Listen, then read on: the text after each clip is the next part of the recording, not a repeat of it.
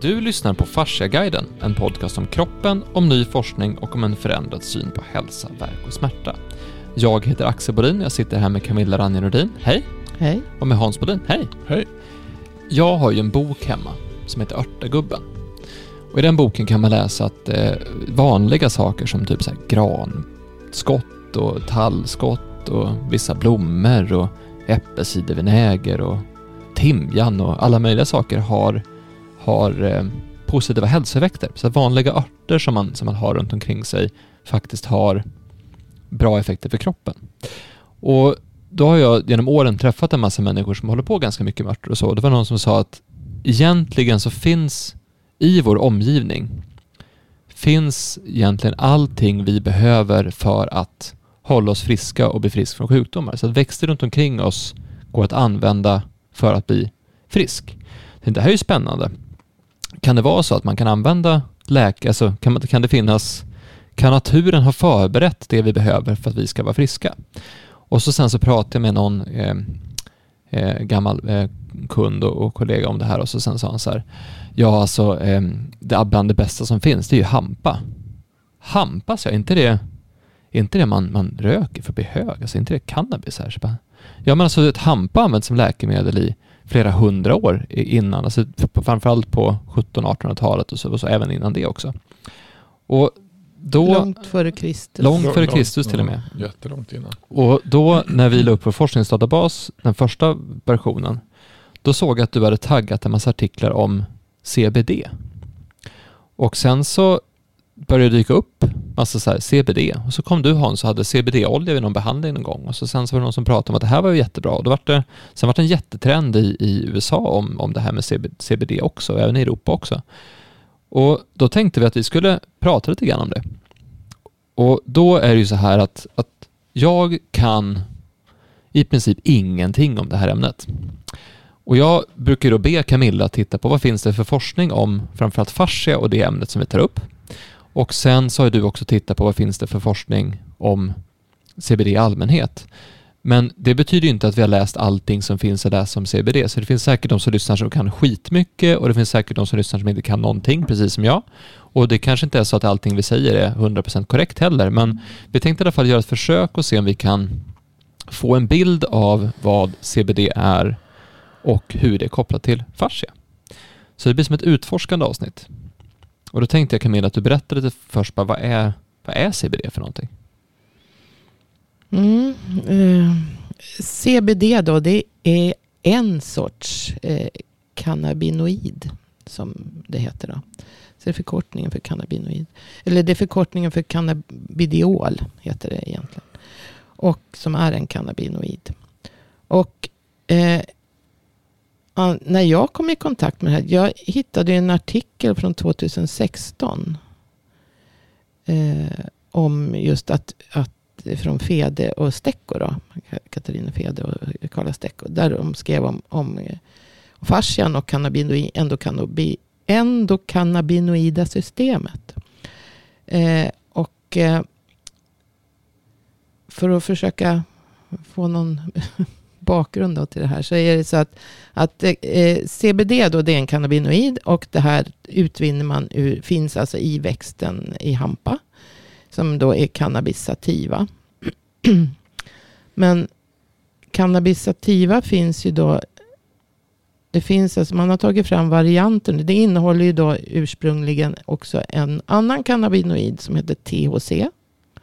Som alltså är Eh, framkallande Som går på nervsystemet. Och eh, då har man alltså tagit fram olika varianter utav eh, hampa. Men fortfarande cannabis sativa. Det är ju så, alltså växten heter, det är familj och släktnamn, heter samma sak. Men sen finns det olika varianter.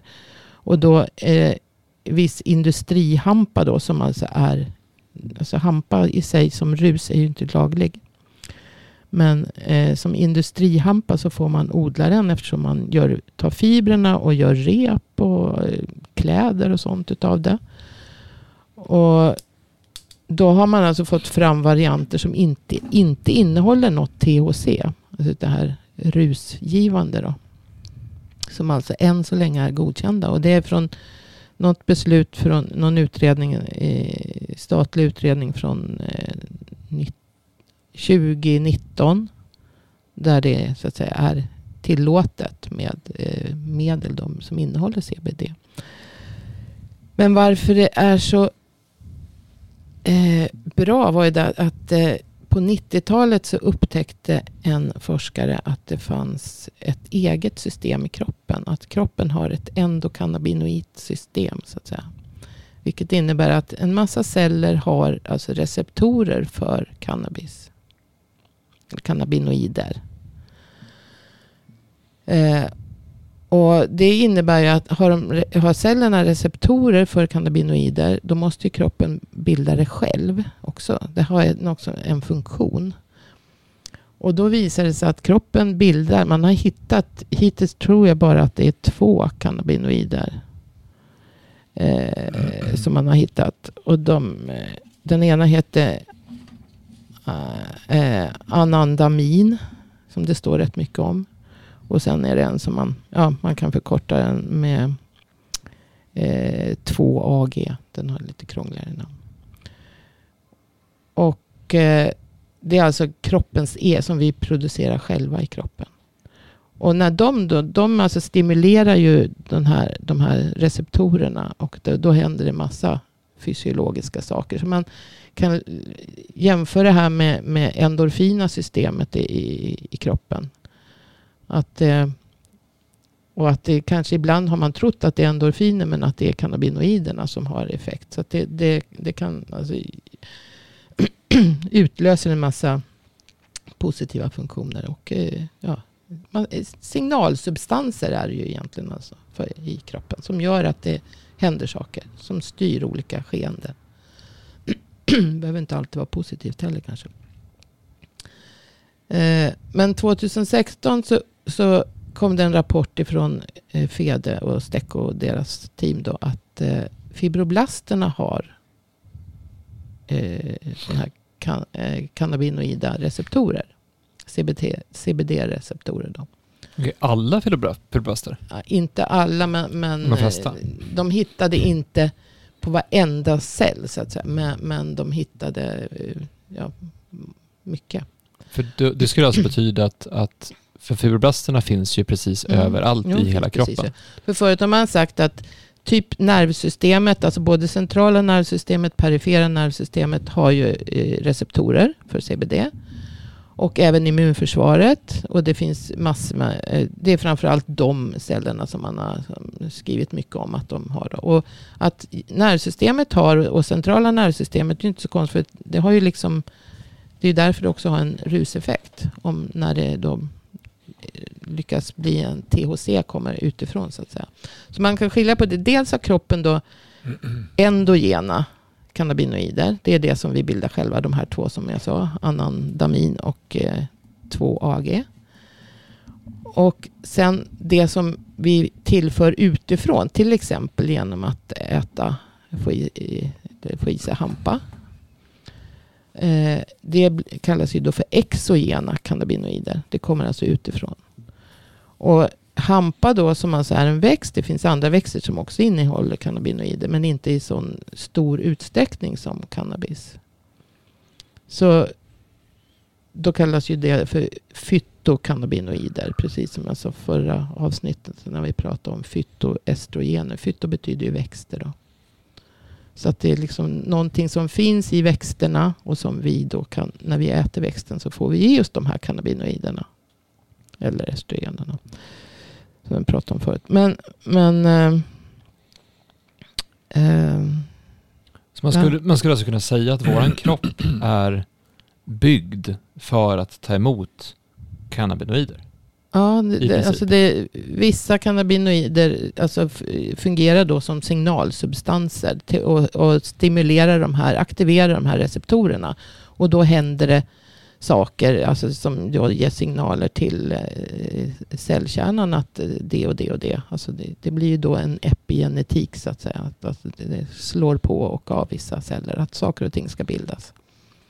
Och då upptäckte ju då Fede och som sagt att, att eh, de hade ju då tagit eh, eh, fibroblaster ifrån eh, kirurg. Ja, eller, alltså, när, när man opererade människor så tog de små, så, små cellprover då och, och odlade fibroblaster. Så att det, de gjorde det så att säga, in vitro som det heter. Alltså inte, och färgade och kom fram till att eh, det fanns väldigt mycket receptorer för CBD. Och det finns än så länge har man hittat två receptorer, CBD1, eller CB1 och CB2. Och det var flest, eh, CB1 är det som finns i nervsystemet mest. Och CB2 är det som finns mest i immunförsvaret. Och eh, det fanns både CB1 och CB2 i fibroblasterna. Alltså de här receptorerna som man alltid tänker, de sitter ju alltså i celler. För det är ju sånt som ska få en signal utifrån av ett ämne och fastna på den cell Receptorn Och då ska cellen få en signal till cellkärnan att det här och det här ska hända. Eh, så att eh, men det fanns flest CB2, eller det var övervägande, alltså en större eh, andel CB2 receptorer, alltså för immunförsvaret jämfört med eh, CB1. Då. Men det fanns båda varianterna. Och de, eh, de hade ju då tagit eh, fascia eh, eh, prov ifrån fascia lata tror jag det var, alltså lår. Eh, ja, den fascia som går längs lår, låret. Från höften ner till knät. Men de eh, antar att det finns runt om i varenda fibroblast. Eller inte varenda, men alltså, eh, överallt i kroppen där det så att säga behövs. Men vad de såg som var så himla spännande, för det kom en ny artikel 20. För först upptäckte de att det fanns receptorer. Sen har de gjort ny forskning och stimulerat de här receptorerna. Precis som vi skulle ha ätit hampa då, fast de har stimulerat med, med vad heter det, syntetiskt CBD. Och då efter en timme så upptäckte de att det började poppa ut små blåsor ur cellerna. Ur fibroblasterna. Okay. Och, och, sen, och då upptäckte man att det här är ju små blåsor med hyaluronsyra. Jaha. Och sen efter fyra timmar, då var det fullt med, med hyaluronsyra i cytoplasman, alltså i cellplasman, och även utanför i den extracellulära matrisen. Så cellerna alltså stimuleras att, nu vet inte jag hur det här gick ihop med att det, de säger att det är fasciacyterna som producerar hyaluronsyra. Men, men det är möjligt att fibroblasterna också gör det. Det har de inte kommenterat i den forskningen tror jag. Men, men eh, utan det, för det var ju fibroblaster de undersökte. Men, men det var ju det som var så häftigt. De under, upptäckte alltså att vad som händer när man alltså stimulerar de här receptorerna med CBD är alltså att det börjar bildas en massa hyaluronsyra. Och det är inte så konstigt då om den har alla dessa positiva effekter som CBD då anses ha, som inte har kommit till än. Mm. Men, men alltså det är smärtlindrande. Ja, därför hyaluronsyran i sig är ju smärtlindrande. Allting glider bättre. Det blir liksom mindre friktion och hyaluronsyran har ju då också en cellmigrerande funktion. Den har en antiinflammatorisk funktion. Den hjälper ju till liksom med... Och smärta kommer ju från receptorer. Så ja, att det är lättare ja. så kommer det bli mindre Så att den, hjälper, den medverkar ju vid inflammationen, den medverkar vid sårläkning. Alltså den medverkar ju i det mesta i kroppen. Hyaluronsyran är ju liksom jättespännande. Som, så. Mm.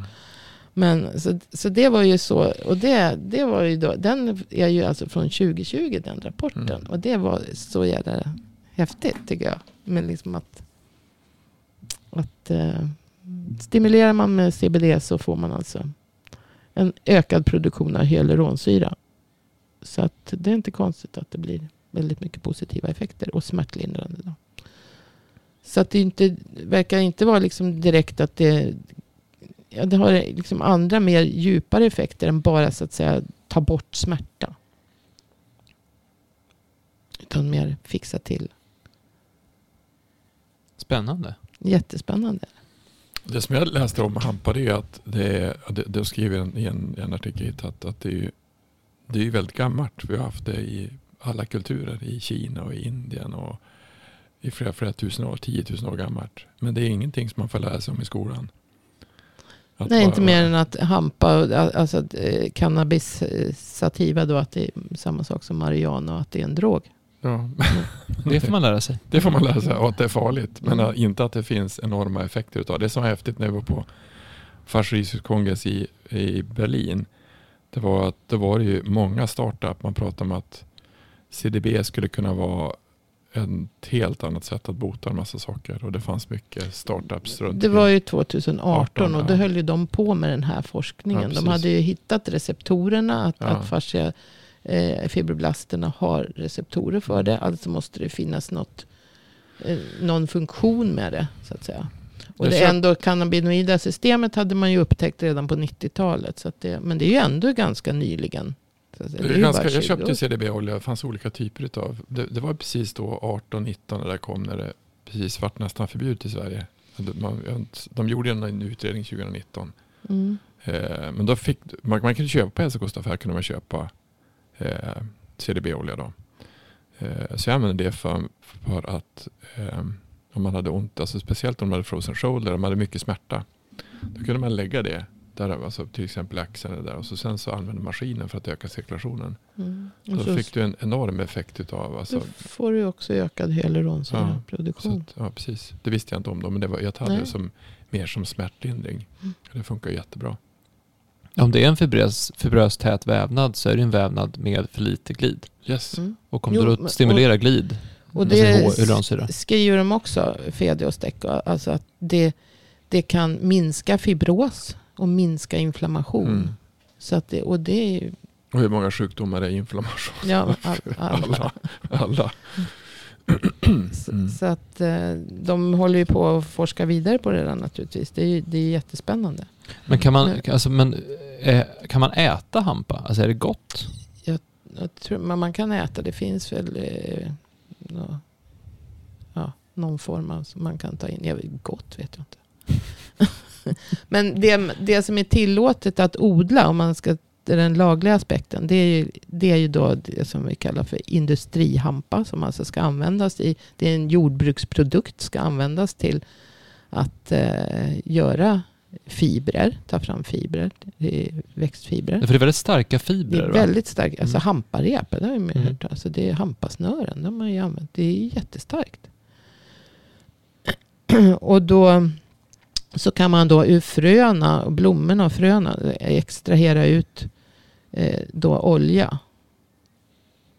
Och den oljan eh, eh, kan man då använda som eh, kosttillskott. Därför att de här cannabinoiderna är då an, eh, antioxidanter. Starka antioxidanter också. Vilket också förklarar liksom varför de har. För alla de här växterna som vi pratar om. de Som alla växter egentligen innehåller ju antioxidanter. Och det är det som kroppen behöver för att klara av alla fria radikaler som bildas vid ämnesomsättningen. Och ju mer stressade vi är, ju mer antioxidanter behöver vi.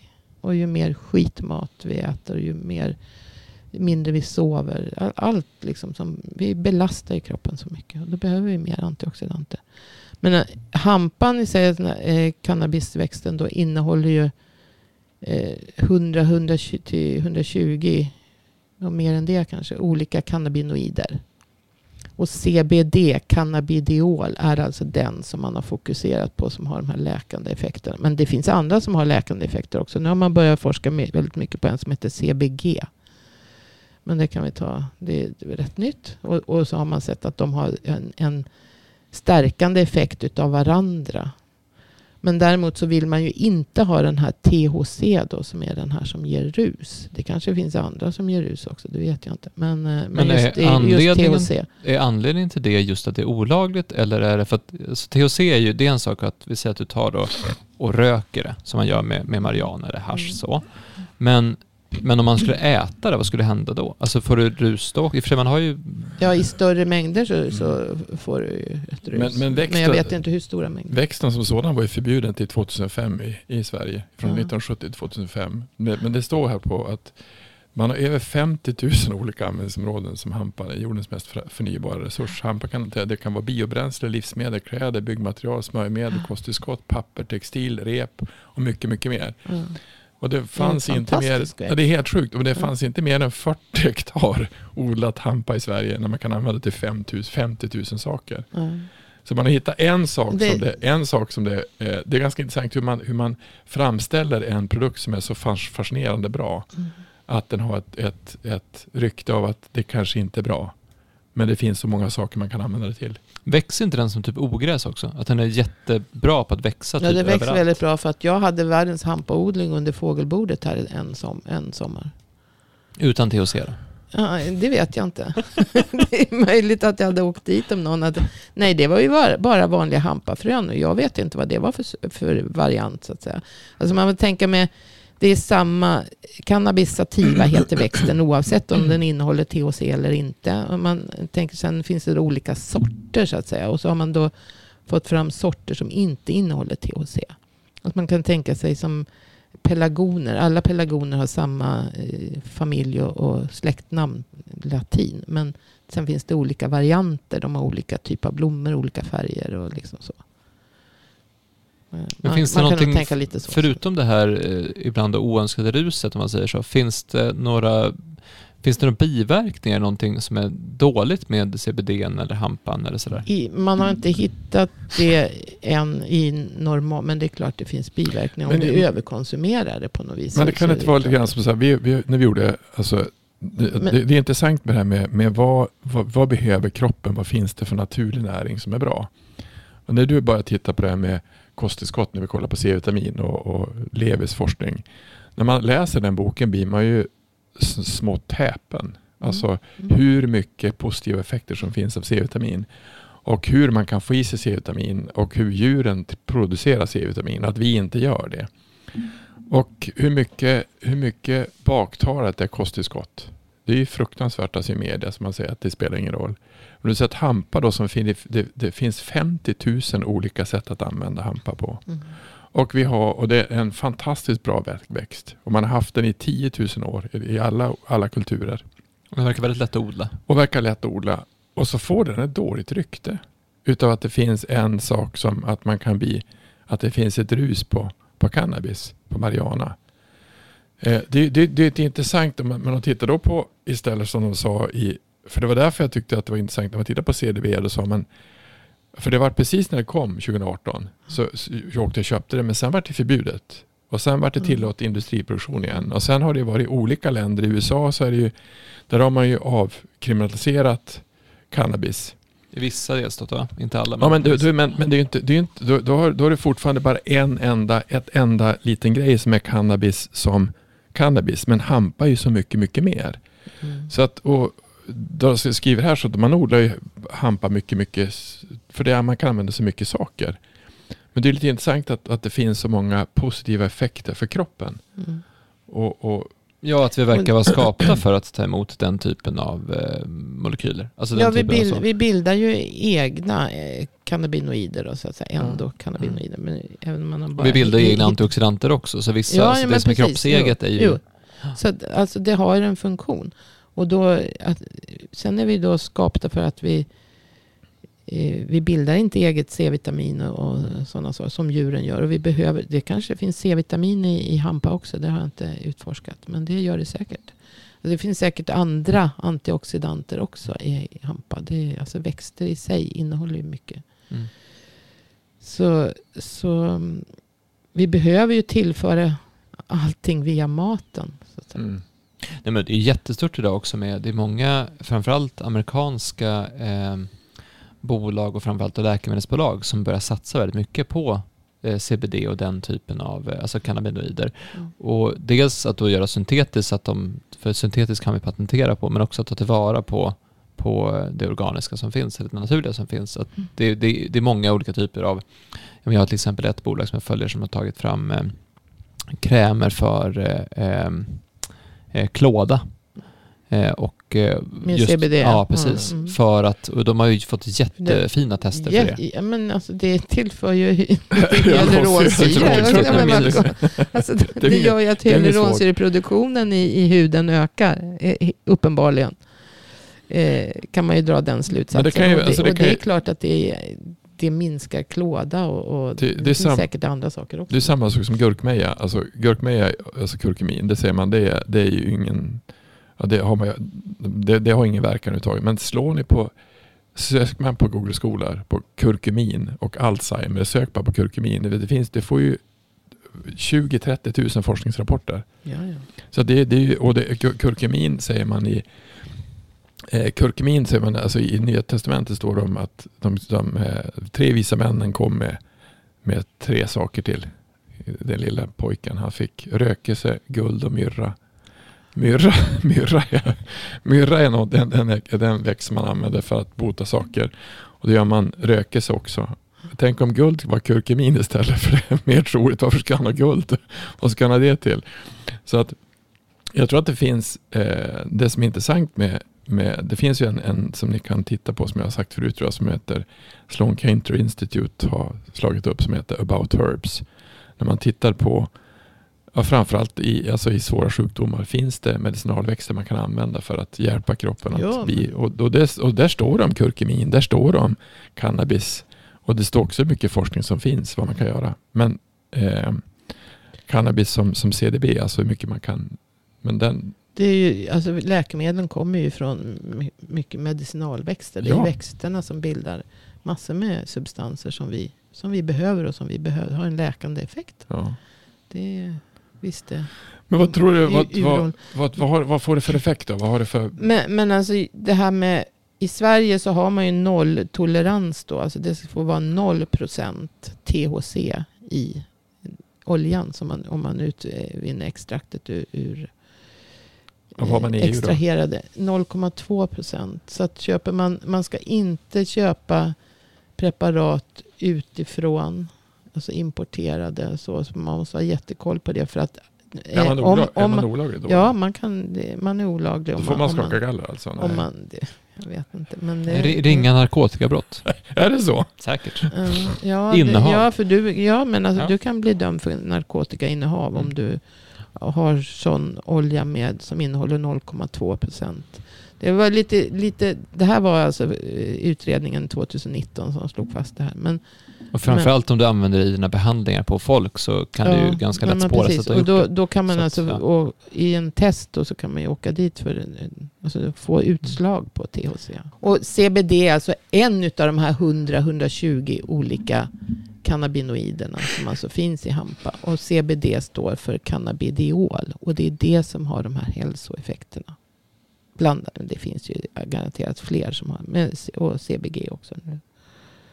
Men, men eh, just att man ska vara noga med att, att allting som är utvunnet, extraherat ur hampa, eh, industrihampan, måste vara 0% THC. Och Europa har 0,2 procent Så att det är därför så, och det kan, tar man sådana preparat så kan det ge utslag.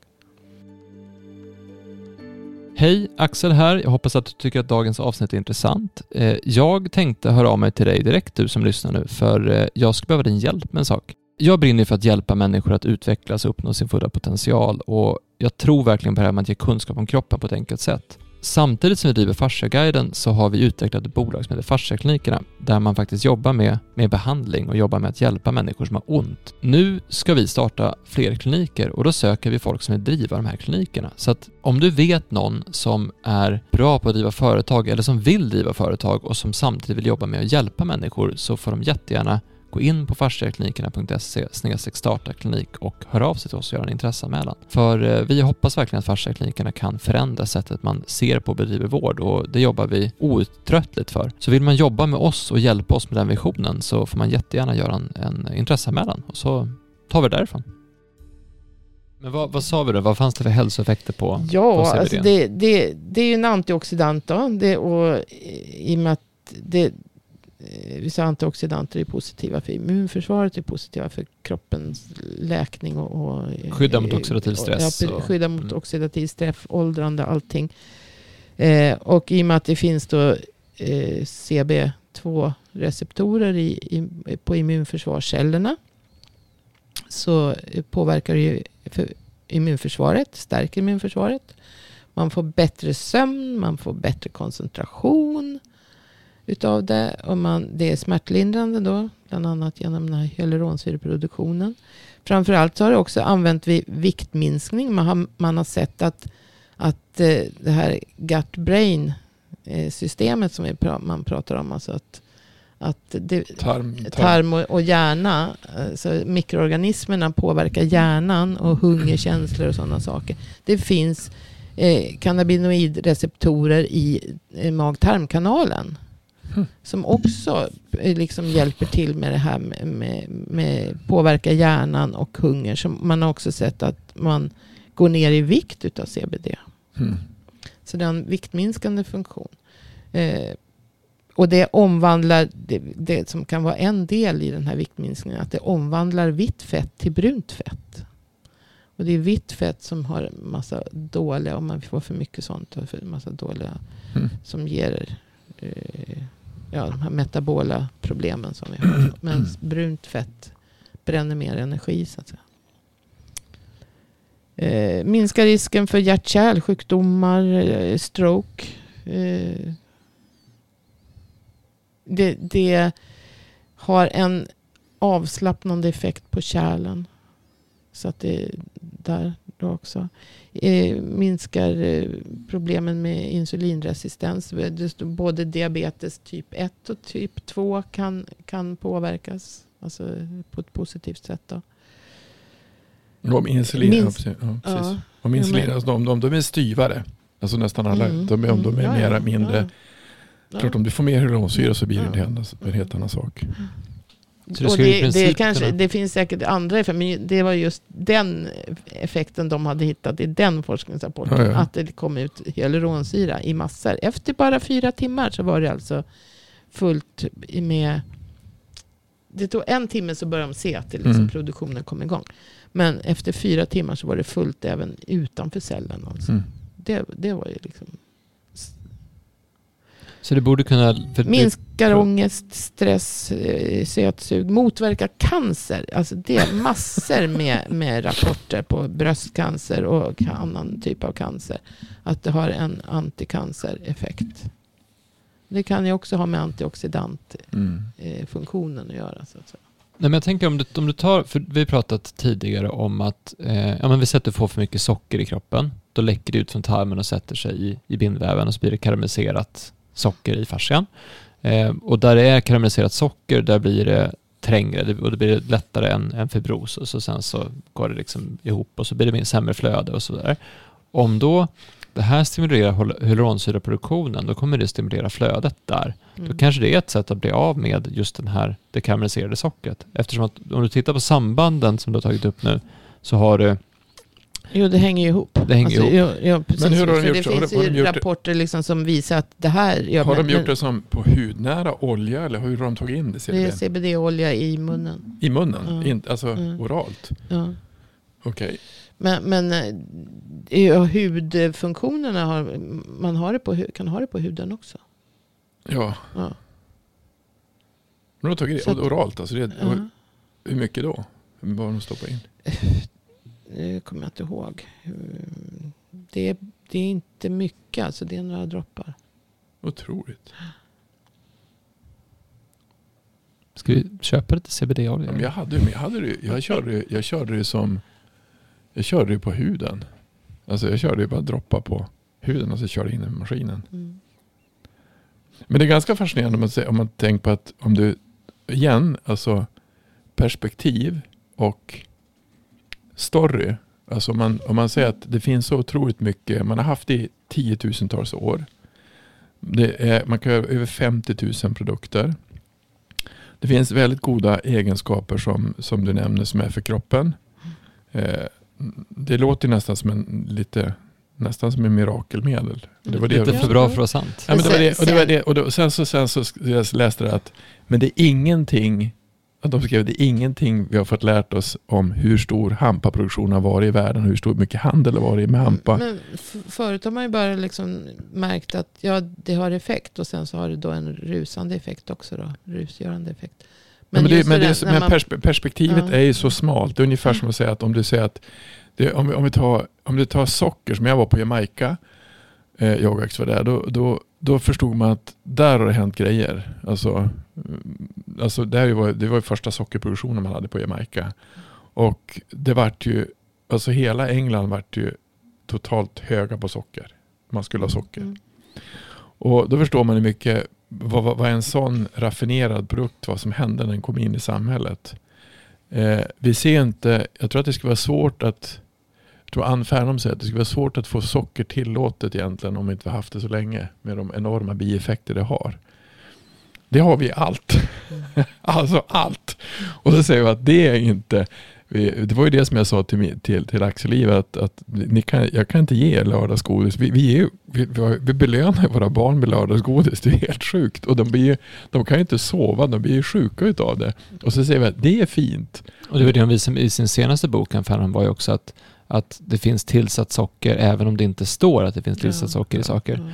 Och det är ju lite skrämmande faktiskt hur mycket, hur mycket socker vi pumpar i. Och nu kallar de det, det, det är inte socker utan man kallar det för, eh, det är ju glukos utav frukt, frukt, fruktos och, och något annat som man kör som är ännu mera Ja, drag ja, på. men Det finns ju mycket Men, men om du säger att där har du där har du en sak, nu har vi kört igång nu som är den farliga maten. Man skriver att till exempel eh, GB glass som var bara socker, sockervatten. Att Mm. hur, kan man, hur kan man säga att det ska barn äta? Men om du tar, om du tar bara tittar på den debatten som finns. Socker diskuterar man inte så mycket om alls. Men däremot det här CDB och hampa. Det är varning, varning. Så här går regeringen ut och säger att 0,2 procent så förbjuder vi. Och, man, och det har funnits 40 hektar som man har odlat i, i- alltså hampa i Sverige. Och jag såg på Jordbruksverket hur man ansöker om vilka saker man får odla. Men där har, du- där har du så många användningsområden, så många bra saker och där reglerar vi. Men socker är fortfarande tillåtet att sälja och stoppa i vad som helst. Det, det är lite intressant perspektiv hur man kan vända och vrida på saker och ting. För egentligen borde det vara så här att om nu hampa växer på det här sättet så, borde inte alla kunna ha en liten egen hampaodling i trädgården då? Alltså är inte den typ gjord för det? Jo, För den kan växa men lite var som sen, helst. Men sen är det inte helt lätt att extrahera oljan ur, ur växten. Okej. Så att, men du kan ju äta växten som sådan. Ja, hur smakar den då? Har du testat på Nej, dem? jag har inte testat. Men, Nej, men det är som, eh, alltså om man tittar på hästar, så det är med, med, intressant med, men just när, eh, alltså vad mycket djuren äter av saker och ting från början. Jag träffade en, hans Sven där uppe, som han, han sa att, att hästar är ganska intressant. Att hästar de, de äter mycket maskrosor när de blommar på våren. Maskrosor är ett sätt att rensa kroppen på saker och ting. Eh, och så djuren använder ju, äter ju saker och ting, växter runt omkring som, som de behöver. Det var jag tror så man hittade någon som hittade på eh, vad man behövde för en, en, en eh, eh, alltså djuren hittar ju saker som, att, som, som de botar sig själva med. Eh, och det, jag tror att det som egentligen som, som vi har pratat med Per om, att vad är det som gör att de här gamla kulturerna fanns, som du tar Amazonas, hur sjutton de hittar utav så många Ja, nej. växter som finns. Alltså det är inte lite många växter som Mm. finns. Och så de hittat de som är exakt bra för att göra olika saker. Bland annat en del saker som är som hampa, andra saker som finns. Och då sa Per, ja men växterna kanske har sagt att jag är bra. Alltså man kanske har, man kanske, man kanske hittar ett sätt att kommunicera och berätta vad som Ja. är bra. För djuren gör ju det. Djuren vet ju vad som är bra. De äter ju inte saker och ting som inte är bra. Därför att det ofta smakar lite beskt. Alltså, Ja. eh, Växterna producerar ju de här ämnena för att skydda sig själva. Ja. För att skydda sig mot svampar och, och alltså, mögelsvampar och, och mikroorganismer, virus. Och att inte bli uppätna ibland. Vissa växter vill bli uppätna därför att det är Mm. så de förökar sig. Mm. Om, om, du, om djuren äter växten med, när den har gått i frö och Mm. sådär så, så skiter de ut fröna och sen så sprider de sig på det viset. Men vissa växter vill inte bli uppätna och framförallt så det här cannabinoiderna är ett skydd mot mikroorganismer. Det var också en, en rapport om att det skyddar mot infektioner. Det, det, men det gör ju faktiskt C-vitamin också. Det har ju en antioxidant och virusdödande, bakteriedödande effekt. Ja, men tänkte om det finns så många saker. Så, och det enda vi säger är att ja, men det, det är farligt för att du kan bli Mm. hög. Och så jo, sen, fast, fast CBD, alltså cannabidiolen, är inte farlig. Den har ingen negativ, eh, sån negativ effekt. Sen är det naturligtvis att det kan bli negativt om man överkonsumerar. Det kan det ju alltid bli. Så att, om du, Men det är intressant, någonstans är det ju, eh, jag tror vi har en bild av naturen som dum någonstans. Alltså vi, vi har, jag tror jag har svårt att erkänna att växterna har intelligens. Mm. För det är det, egentligen det du beskriver nu, det är, det är att alltså, naturen har en extrem Mm. sofistikerad intelligens i hur växterna fungerar, hur de sprids, hur de... Alltså det, det är som att vi, vi ser ju, de är ju levande, alltså Mm. växter lever. Mm. Men vi tänker att, att det liksom är något, ja men det är bara djuren som har ett sånt beteende, eller bara människan som kan tänka, alltså som är sådär. Vi, vi, vi förknippar intelligens så mycket med medvetande och tankar och så lite med alltså det som händer utan att vi är medvetna om det. Det är samma sak med kroppen, att vi tänker att, att det, som vi, det som vi är medvetna om är det som är viktigt. Mm. Men om du tittar på en kropp och så ser du på allting som händer i kroppen som vi inte är medvetna om så är det ju så mycket, mycket större än det som, Mm. vi, det som vi känner till. Och om du tittar på naturen och så ser du till alla processer som äger rum där och det är allt ifrån eh, utbytet av mineraler med, med mikroorganismer av svampar och växter och bergarter och hit och dit. Det, det är hur mycket intelligens som helst i det är jättekomplicerade system. Mm. Och vi har ju vi har verkligen underskattat det. Mm. Och det är intressant att förmodligen så har andra civilisationer, andra kulturer tagit det här på allvar på ett annat sätt. För det är nästan lite sjukt när man ser hur mycket läkande hur mycket läkemedel som finns i naturen. Ja, men det, Ja, och, det, och jag tror att det som var, jag tror, jag tror att det som var med, som man hade förut, som man hade i, som, som vi läste om, om hampa vad det var för någonting. Det fanns naturapotek, man visste vad man behövde för no, göra för någonting. Sen tror jag att vi, min farmor gjorde ju en, hon gjorde ju en dryck med allt, hon var ju sambo i enbär och det var laver och det var allt möjligt som hon kokade, smakade ju skit. Men det var inte gott alls. Men det tog ju bort njursten och en massa olika saker. Mm. Men den typen av kunskap, den, den slängde ju bara iväg. Ja, eller så brände man upp dem. Ja, alltså men det här, Som och som ja. farmor hon då, som dog. Nej, men alltså, men, men tänk hur mycket kunskap man brände upp på 1500 och 1600-talet. Ja, men jag tror att det här är ju senare, alltså den Mm. kunskapen fanns i, i naturapotek, vad man visste för någonting. Jag tror att den, den jag tror att varför man har kvar den typen av kunskap i, jag tycker det var så intressant när jag varit i Portugal eller i, i Tyskland. I Tyskland finns det, du kan gå och få, vill du ha naturligt läkemedel eller vill du ha eh, konstgjort läkemedel? Så Mm. att du kan få bägge sorter. I, Mm. I Sverige finns det inte, i Sverige finns det apotek. Mm. Och det är alltid kemiskt. Och vi, att allting som är naturligt tycker vi det är, all- det är alternativhälsa. Så är det inte i Tyskland. Och så är det inte i, i Portugal. Utan du, du kan få, vill du ha det ena konstgjort eller vill du ha naturligt? Mm. Och det, jag tror att det är det som är den här kunskapen om vad behöver vi egentligen som är li, lite samma sak som vi har pratat om näring. Alltså varför, varför får vi inte lära oss vad vi egentligen behöver? Ja, det är jättebra att, alltså, när jag växte upp så hade man den här tallriksmodellen. Det var det som var bra. Mm. Men vilken tallrik, vilken tallrik passar vilken kropp? Och vad behöver man äta för någonting? Och hur äter man? Så näring är näring och saker och ting som är tillskott som vi behöver. För det här är ju näring. Det här är ju en växt. Hampa är ju en växt.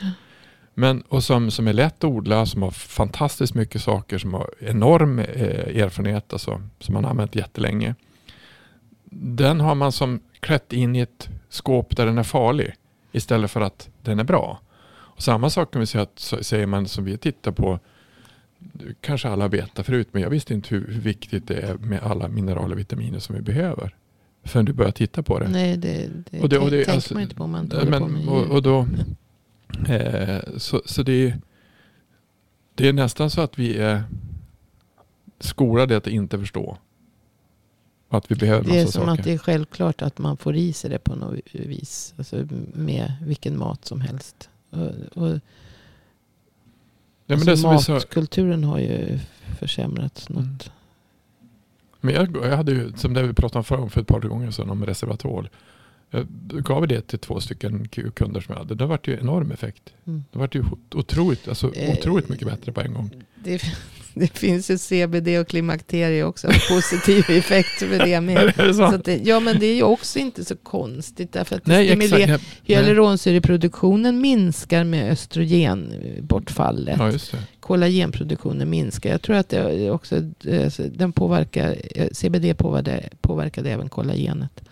Så att, men om då hon har visat, eller de har visat här, att det börjar poppa ut eh, hyaluronsyra på fyra timmar. Så det är klart att det har en positiv effekt på det mesta. Eller hur? Med tanke tror det på där- hur viktig hyaluronsyra är. Alltså det är Mm. sån, alltså Stecco de har ju verkligen fokuserat mycket på hyaluronsyra i mycket forskning. Mm. Det är ju hennes stora, både hon och, och brodern. Men jag tror att det där som angreppssättet blir annorlunda för att det som, det som vi försöker titta på med, med forskningen och hur vi sätter ihop det och hur vi försöker dra slutsatser eller ut, utforska saker ifrån det är ju att okej, om vi tittar på kroppen som en helhet så kan vi säga att kroppen har vissa viktiga processer. Mm. Mm. Ja, det finns, flödet är jätteviktigt. Det behöver vara ett bra flöde. Ja, immunförsvaret behöver fungera på ett väldigt bra sätt. Mm. Ja, det får inte finnas en massa, massa obalanser eller tryck eller, eller låsningar eller saker som sitter i kroppen som stoppar flödet egentligen. Man ska inte, det är inte bra att man är sned, att axlarna är framåt eller sådär. Det, typ- man, det, det finns vissa saker som, vissa förutsättningar för att kroppen ska må så bra som möjligt. Mm. Och då blir nästa fråga, okej, hur stimulerar vi det då? Då kan vi stimulera det med behandling, eller med rörelse, eller med stretchövningar, eller med kosttillskott som stimulerar de här systemen.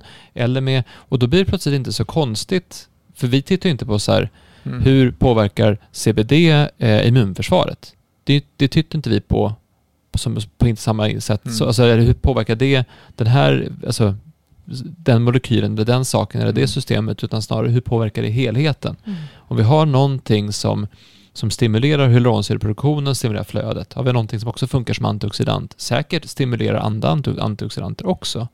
Och då, då, då börjar man titta på, men är det här någonting man kan ta eller lägga till eller använda för att få den här, för att få fatt på systemet igen? Mm. Precis som med C-vitamin, det är inte så att, att man tittar på C-vitamin för att C-vitamin eh, bidrar till normal kollagenbildning. Det är inte det som är det intressanta. Mm. Utan det intressanta är att okej, här har vi någonting som stärker systemet när jag är under stress eller när jag är utsatt eller när jag är sådär. Så jag har ju nu sedan några avsnitt tillbaka, jag har en burk C-vitamin som alltid står på skrivbordet. Och då, nu har det varit mycket, många möten i rad. Bra, då tar vi fyra stycken, har vi två gram C-vitamin. Mm. Och så sen så, och man mår ju mycket, mycket bättre av det. Mm. Jag har ju i bilen. Men jag tror, att, jag tror om, man, om man tar det mycket enklare så om man tittar på, eh, vi har ju sagt det förut att det som är viktigt i kroppen det är ju om, det, om, det, om man ser kroppen som en, ett ekosystem. Så det får inte vara för svampigt och för, för dåligt, alltså det får inte vara för tätt. Utan det måste vara, det måste vara ett, bra, ett bra flöde i hela kroppen. Och är det då så att man har, alltså vad är smärta? Smärta är ju för lite flöde, det är för trångt. Ja, hur? det, alltså, det är svårare än så, det är för Ja, trångt. ja. Det är för mycket som är i vägen. Alltså det, det återkommer hela tiden till, ser i rapporter man hänvisar till Stecco, Antonio Steccos och hans team. Då, då. Det, Ja. just den artikel de har skrivit, jag tror den är från 14, 15, 16, alltså någonstans där. Eh, där de har skrivit om densification och fibros. Vad är skillnaden? Alltså, och och där, där han pratar om det här, jag, jag pratar ju om förtätningen hela tiden. Mm. Så att säga.